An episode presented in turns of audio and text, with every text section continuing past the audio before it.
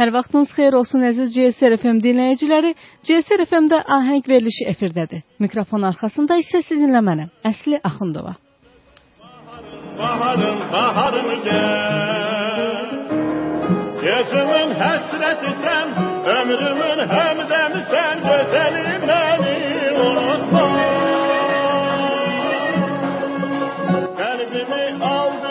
özün, löynətə saldın özün, baharım, baharım, baharım gel. Eh. Ay gözsüzden bezen düzen yeyin gelin yar. Bezen düzen yeyin gelin yeyin gelin yar. Bu gün haqqında danışacağım şəxsin təqdimatını etmək istəyirəm. O təkrarsız səsin sahibi Azərbaycan müğənnisi Anatollu Qəniyevdir. Sen danışmadın yar kalbim alıştı. Baharım baharım baharım gel.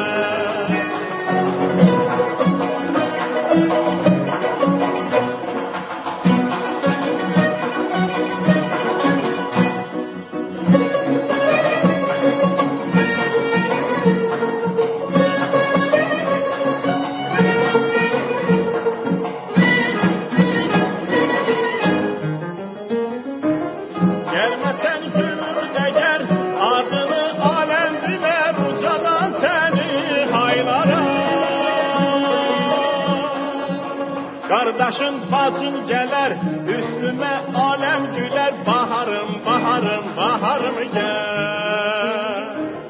Gelmesen gülüm eğer adını alem biler ucadan seni haylara. Kardeşin bacın geler üstüme alem güler baharım baharım baharım gel. Eh, eh. Ay gözsüzden bezen düzen giyin gelin yar. Bezen düzen yiyin gelin yiyin gelin yar. Taş dilsiz taşlı, taşta dil açtı. Sen danışmadın, kalbim alıştı. Sen danışmadın, yar kalbim alıştı. Baharım, baharım, baharım gel.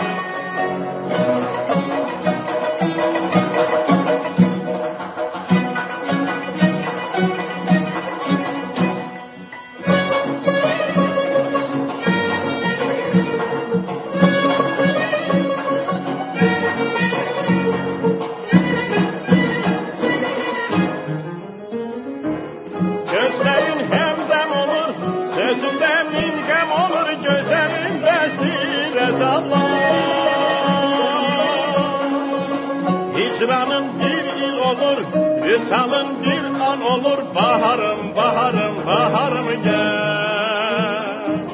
Gözlerin hemdem olur, sözünde mingem olur, gözlerin besire damlar.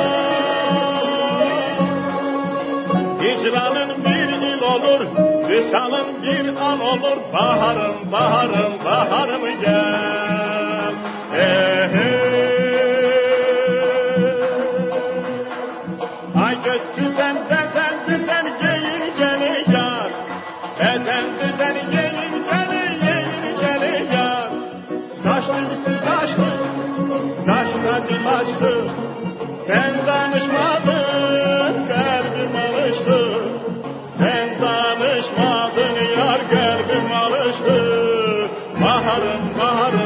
baharım, gel.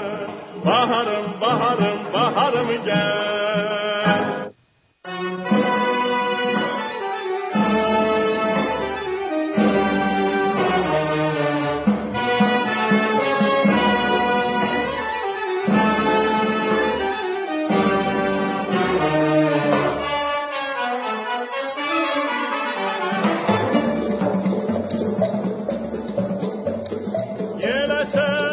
Anatolu Qəniyevin təkrarsız səsini minlərlə səsin arasından tanıyırıq. Onun ifasında dərin səmimilik, incə və təsirlilik var. Azərbaycan Dövlət Filarmoniyasının solisti, ötən illərin ən sevimli müğənnilərindən olmuş Anatolu Qəniyevin ifasında Ay qız, qonaq gəl bizə, Naz-naz, pəncərəmə qondu çiçək, reyhan, Teymurun mahnısı, badamlı və sair mahnılar hələ də xatırlanır və sevilir. Görmedi canamı akarlı dağlar. Bulu kesarana koy arabanı kemde çatır Hey dağ değil dönek düz ile dönek güzler anar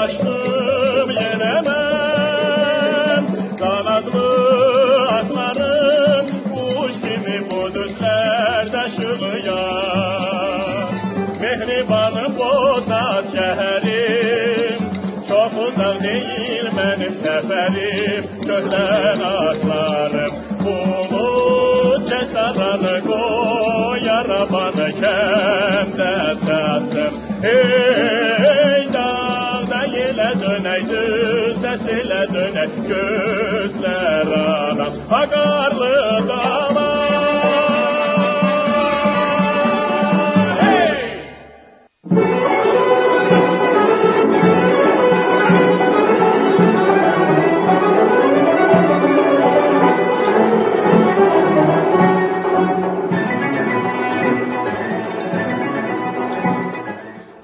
Anatolu Qəniyevin atası Mirzə Heydər vaxtilə Azərbaycana Türkiyənin Anadolu əyalətindən köçüb. Bu, ötən əsrin 20-ci illərinin sonları idi.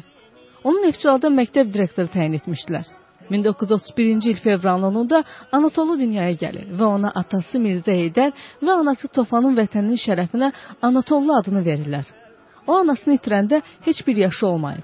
Böyük Vətən müharibəsi başlamasından 8 il əvvəl atası da dünyasını dəyişib. Böyük qardaşı Sabir orduya yollanmazdan əvvəl balaca Anatolunu Bakıdakı qohumları ilə gətirib. Yetim uşağı məhz qohumları baxıb. O Çəmbərəkəndin ensiz dağınlarında böyüyüb. Zirək və şul- şuluq uşağıdır. Həyətdə uşaqlarla futbol oynamağı çox sevirdi. alabilirim Gönlete valla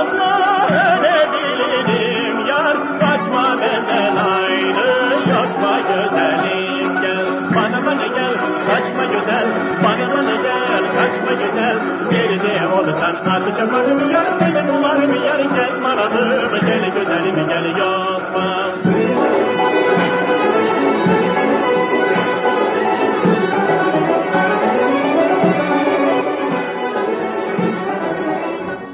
Uşaqlıqda səhnə haqqında düşünməyib. Sadəcə oxumağı xoşlayırmış. Qonşular həyətdə toplaşdıqda ondan nəsə oxumasını istəyirmişlər. Gel, kaçma güzel Bana bana gel kaçma güzel Seni de olacak ateşim varım yer Seni bularım yer gel varalım Geri güzelim gel yozma Thank you.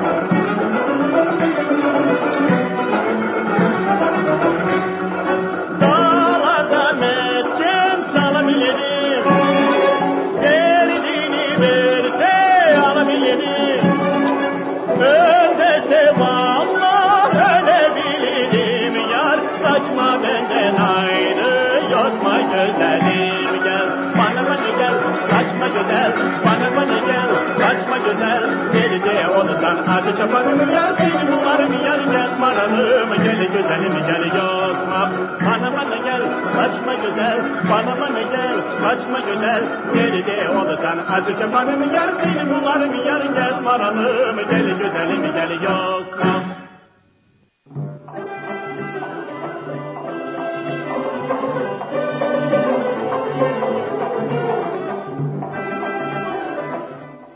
1953-cü ildə ordudan qayıtdıqdan sonra Bakı Musiqi Konservatoriyasının heyətində təsadüfən musiqili komediya teatrının gələcək aktyoru Mobil Əhmədovla rastlaşır. O zaman Mobil artıq konservatoriyanın tələbəsi idi və Bülbülün sinfində oxuyurdu. O yeni tanışına oxumaq arzusunda olduğunu bildirir. Mobil Əhmədov böyük ustad olan müəllimi ilə danışır və Anatolunu Bülbülün sinifinə aparır. Maestro atamı diqqətlə dinləyir və deyir: "Sən öz-özünə yetişmiş istedadsan. Allah sənə səs verib. Sən ondan istifadə etməyi öyrənməlisən."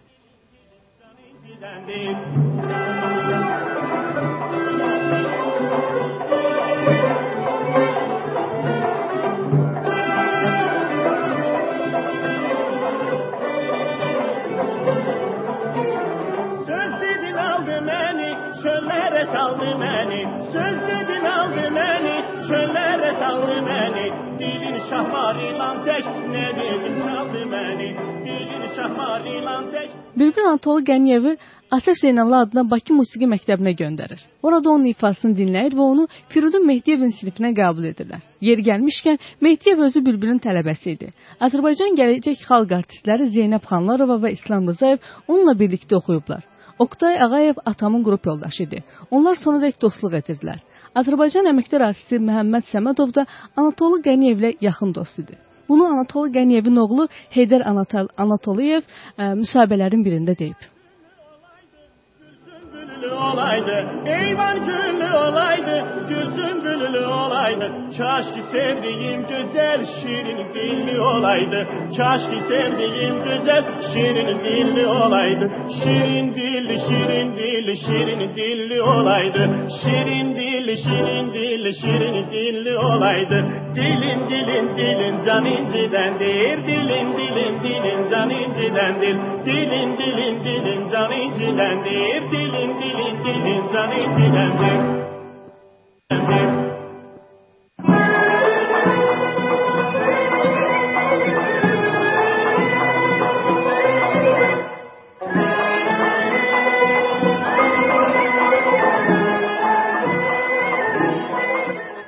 Anatol Qəniyevin oğlu Heydər Anatolu deyir ki, ömrüm boyu Məhəmməd Səmədovu özümə əmək hesab etmişəm.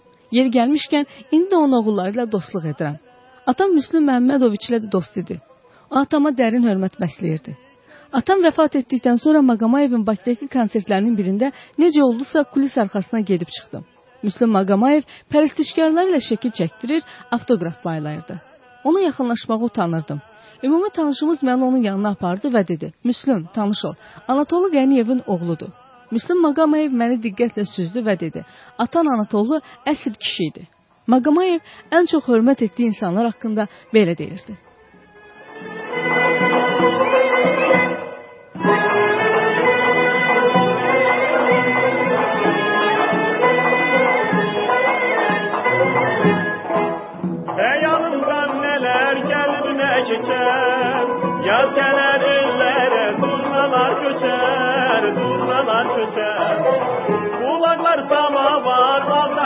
çeker Ben değil çemende güzel aleler, güzel aleler. Laleler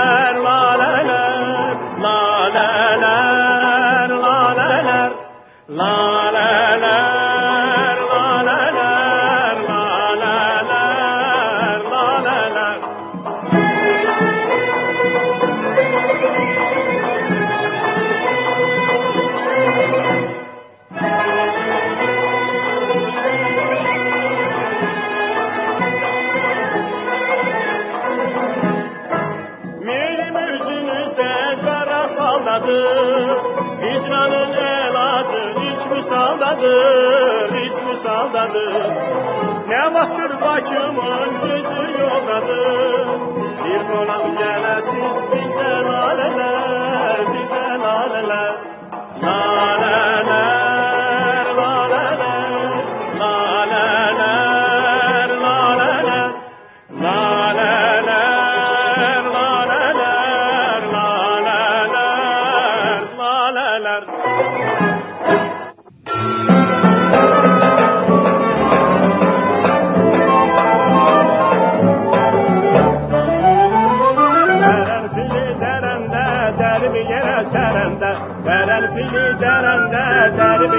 serende Yara gönlümü verem mene gönül verende.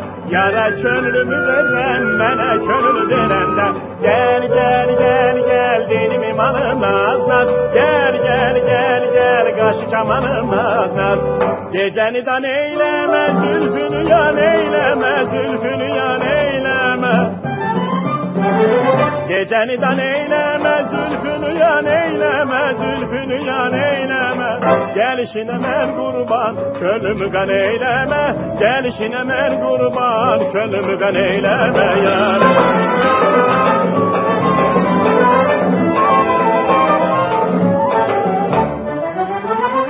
Haysalıram oyanımır derde geme boyanımır. Haysalıram oyanımır derde geme boyanımır. Eşk oduna düşmüşüz men yanıram oyanımır Eşk oduna düşmüşüz men yanıram oyanımır Gel gel gel gel dinim imanım naz Gel gel gel gel kaşı çamanım naz Geceni dan eyleme zülfünü yan eyleme zülfünü yan eyleme. Geceni dan eyleme zülfünü yan eyleme zülfünü yan eyleme. Gelişine ben kurban gönlümü kan eyleme. Gelişine ben kurban gönlümü kan eyleme.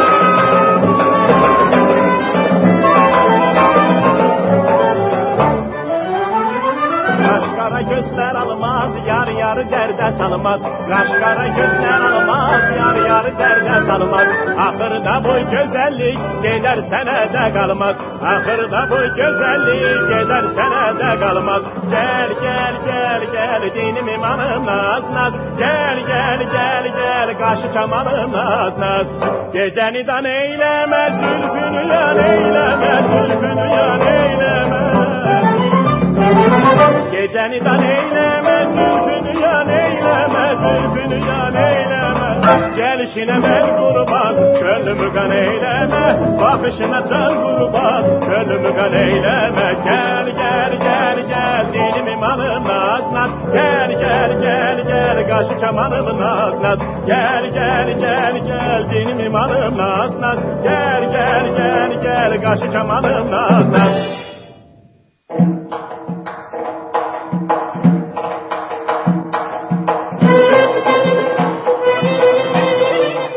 Məktəbi bitirdikdən sonra Azərbaycan SSR-in Teleradio Yayım Komitəsi yanında xorun solisti oldu.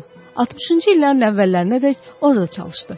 Ona heç bir sınaq müddəti olmadan solist götürmüşlər. O zaman xora dahi bəstəkar, dirijor və xormeister Cahangir Cahangirov rəhbərlik edirdi. Cahangirov bütün gənc musiqiçilərə, ifaçılara ata kimi yanaşırdı. Bir müddət sonra Anatolu Qəniyev Azərbaycan Dövlət Filarmoniyasının solisti oldu. O eyni zamanda Dövlət Teleradio Yayımının Estrada Orkestrində də çıxış edirdi. Bütün Avropanı və Sovet İttifaqını gəzib, ölkənin bir çox zallarında çıxış edib. O tamaşaçıların sevimlisi idi. Küçədə insanlar onu tanıyır, yaxınlaşaraq ondan avtoqraf istəyirdilər. Ləbi-ləbi, gəlməsə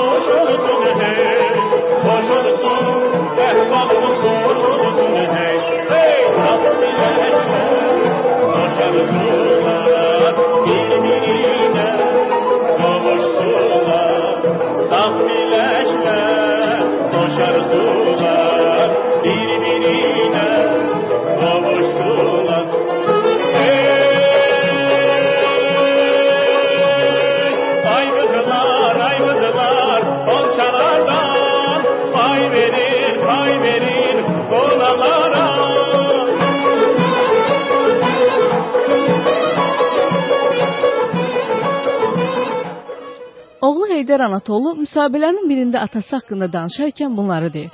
Zarafatçıl və yumorist idi. O dostları ilə zarafatlaşmağı sevirdi. Amma onun sancmaları zərərsiz idi və insanların əhvalını yüksəldirdi. O ələt ata idi. Mən və nənəmin şərəfinə adlandırılmış kiçik bacım Tofanı lap kiçik olarkən atam daim əzizləyirdi. Şirniyyat və oyuncaqlar alır, bulvara gəzməyə aparır, anamız şuluqluğumuzdan əsəbləşdikdə bizi onun qəzəbindən qoruyurdu. Valideynlərimiz bizi heç zaman döyməyib, cəza olaraq küncə qoymayıblar. Biz bir qədər böyüdükdən sonra atam bizə xeyli ciddi yanaşmağa başladı, xüsusilə mənə. O əmin idi ki, oğlan uşağına gəncliyindən cəsarət, iradə və müstəqillik öyrədilməlidir. Mənə azadlıq verirdi, amma həm də hiss etmədiyim şəkildə məni nəzarətdə saxlayırdı. Atamın məndən əsas tələbi həmişə düz olmaq, sözlərinin, əməllərinin məsuliyyətini hiss etmək idi. Sonra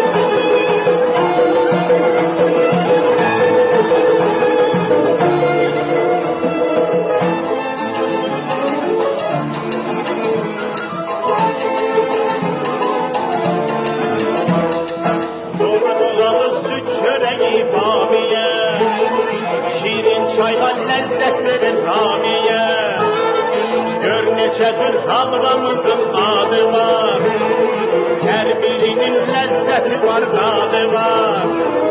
Muşulsun alnımıza moşulsun hey Koşulsun ehvalımız koşulsun hey Muşulsun alnımıza moşulsun hey Koşulsun ehvalımız koşulsun hey Hey tatlı ekran koşar kullar Əvvəllər Bakıda və ətrafda toylar əsasən evlərdə və ya çadırlarda qurulurdu. Dövr fərqli idi. Restoranlar indiki qədər çox deyildi. Şadlıq sarayları isə ümumiyyətlə yox idi. Masaları otaqlarda, dəhlizlərdə qurur, qapıları, pəncərələri taybatay açır, gəzir, rəqs edir, şadlanırdılar. Belə toylarda bir məqam var idi. Adətə görə qadınlar, kişilər ayrı-ayrı otaqlarda əyləşirdilər. Toylara tez-tez dəvət alan atam bu ayrı seçkiliyi bəyənmirdi. Belə mərasimlərin birində o toy sahibinə qonaqları bir araya gətirməyi, hamının bir yerdə əyləşdirməsini təklif edib. Toy sahibi atama olan hörmətinə görə onun sözünü yerə salmayıb. Toy yüksək səviyyədə keçdi. Atamın çıxış etdiyi növbəti ailə tədbirində artıq hamı bir yerdə oturmuşdu. Beləliklə atam Bakıdakı toy ənənəsini dəyişməyə nail olub. O toylara ən çox dəvət olunan ifaçı idi. Atamın toyda çıxış edə bilməsi üçün bir sıra hallarda hətta toyun vaxtını dəyişirdilər. Bəzən o məni də özü ilə aparırdı və bir kənarda əyləşərək atamın ifasını tamaşa edirdim. O heç zaman xaltura etmirdi. Harda çıxış etməsindən asılı olmayaraq, bacarığını 100% ortaya qoyurdu. İstər adi toy olsun, istər dövlət konserti. birbirine kavuştular Saf dilekler, hoş arzular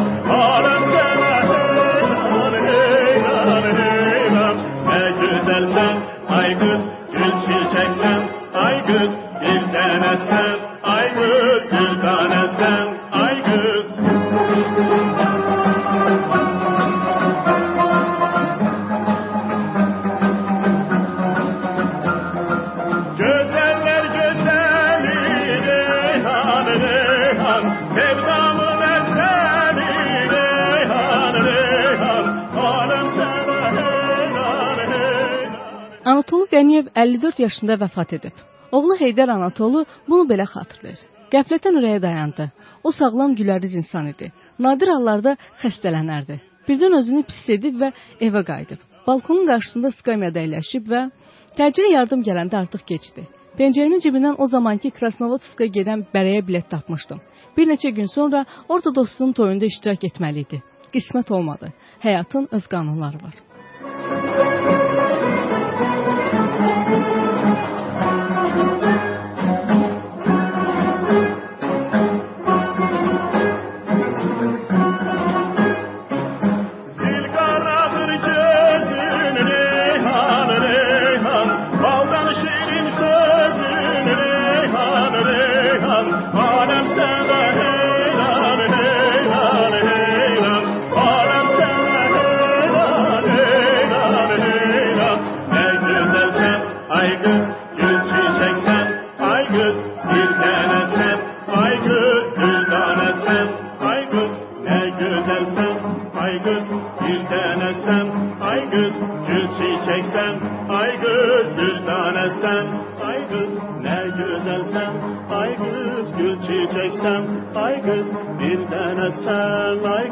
Bir tane sen ay kız.